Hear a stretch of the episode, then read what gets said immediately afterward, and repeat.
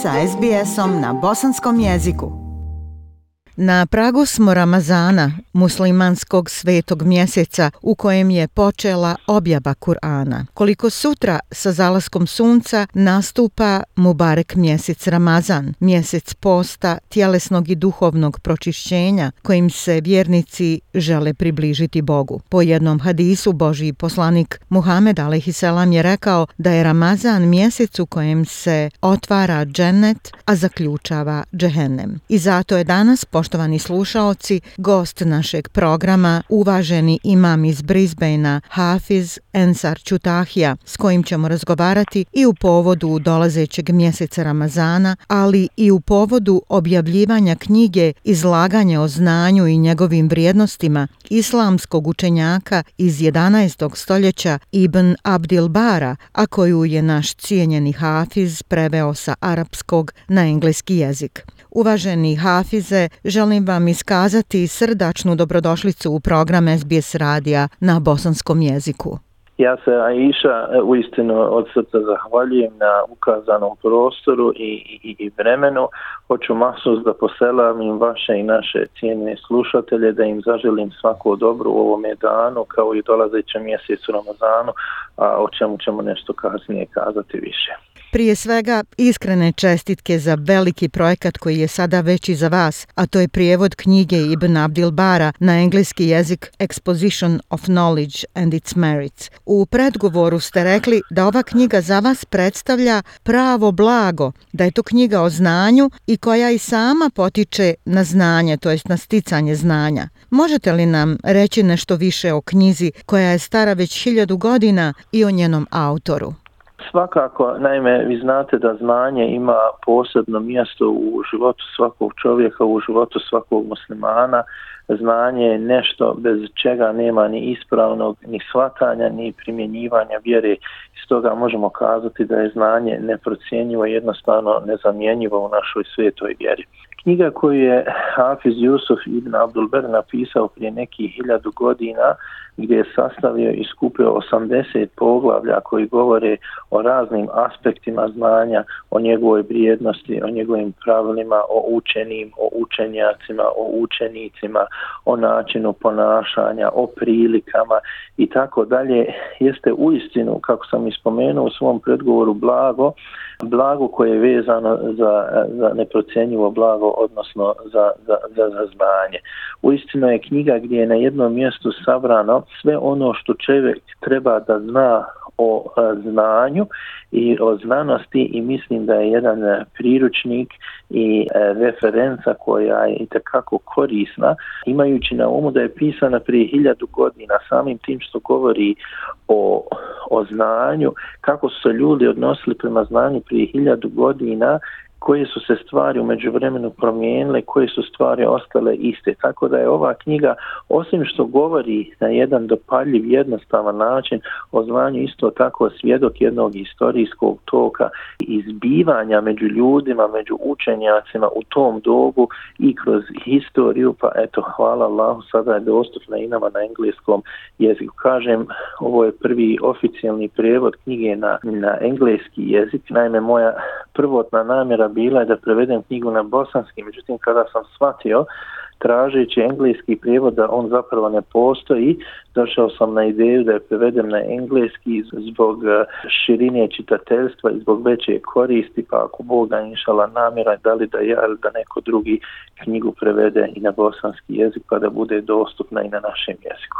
A eto sam autor Jusuf ibn Abdil Bar, on je Arab koji je živio u Kordobi u Španiji, dakle u onom vremenu zlatnog doba islamske nauke. Upravo tako, to je jedan e, bio svestrani autor, jedan istinski islamski učenja koji je iza sebe ostavio preko 50 dragocijenih dijela, koji je, kažem, bio svestran, koji se bavio i Koranom, i hadisom, i kirajetima, islamskom historijom, islamskim pravom, tradicijom i svime. Dakle, jedan istinski islamski učenjak, za koga jedan Ibn Hazm E, dakle, jedan velikan ovoga umeta kazao, kada dođe, kada dođe do znanja o hadisu, islamskoj tradiciji, načinu e, iskazivanja iste, ja ne znam ikoga da je kao on, a kamoli bolji od njega.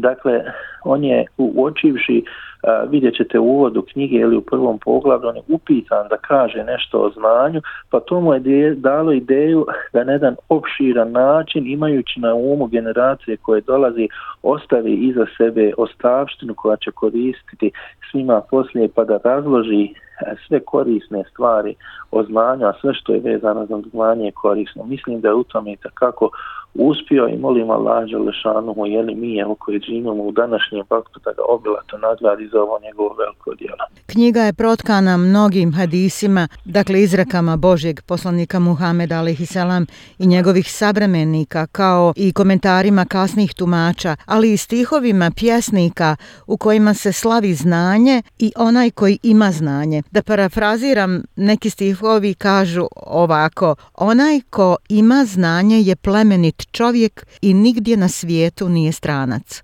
Šta je vama, Hafize, najdraže u ovoj knjizi? E, vidite, E, izreke poput takve bile su upravo razlogom da, da, da, da dođem na ideju da prevedem ovo, ovo, ovo blago. Znate, ovaj, samo po sebi znanje je mudrost, kad se primijeni znanje je mudrost. Međutim, kada čujete takve jedne stvari, ili kada su islamski učenjaci kao svjetiljke, nema mraka tamo gdje se nalaze učeni, ili recimo da je učen onaj ko je učen bez obzira na njegove godine, ili mlad čovjek je star ako je učen, a star čovjek je mlad i treba da uči ako je neuk i tako dalje, te stvari vas jednostavno impresioniraju. Kažem, knjiga je sadrži preko 2400 što kuranski ajeta, što hadisa Allahog poslanika sallallahu alaihi wasallam, što izreka mudrih ljudi učenjaka, tihova velikana arapske poezije kao što je Halil Ahmed, kao što je Ebu Atahija koji je bio i prije islama e, vrstan pjesnika kasnije u vrijeme islama i tako dalje. Sve su to, kažem, stvari koje eh, sklapaju mozaik i koji nam jednostavno drže budnim kad je upitano znanje, ne dajući nam priliku da zanemarimo važnost eh, znanja kako prije, tako kako danas, tako i našoj, i našoj u budućnosti. A eto, poštovani Hafize, sutra nam stiže Ramazan, najdraži mjesec i gost u srcu svih vjernika muslimana. Možete li nam reći kakav značaj ima Ramazan u životu vjernika muslimana?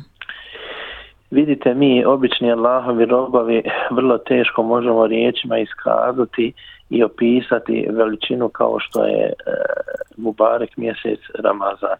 Ramazan jeste što bi kazali engleskim žargonom ili highlight kalendara jednog vjernika, vrijeme svih vremena, vrijeme prilika svih prilika. To je ono vrijeme kada nam je Allah Đelešanu omogućio da za ista dijela dobijemo mnogostruko veće nagrade. Mislim da je to prilika koju nijedan vjernik ne smije propustiti. Mjesec Ramazan e, jeste poseban e, zato što je dato od Allaha kao mjesec u kom je počelo objavljivanje Kur'ana, mjesec u kom se mnogo stručuje nagrada za dobra djela, mjesec u kom vjernik može postići dosta toga.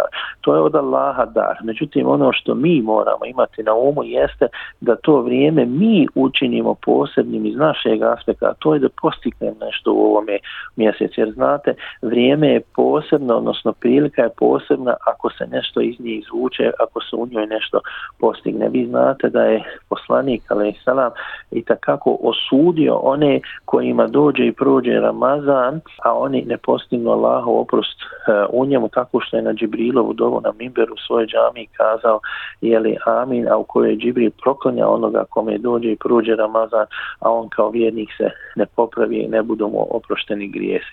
Kažem, Ramazan je jedno blago, jedna vanredna prilika, jedna džennetska prilika na ovom dunjalučkom okruženju da se čovjek približe Allahu Đalešanuhu, da postane bolje ljudsko biće, bolji vjernik i da iz Ramazana izađe bolji nego što je u njega ušao.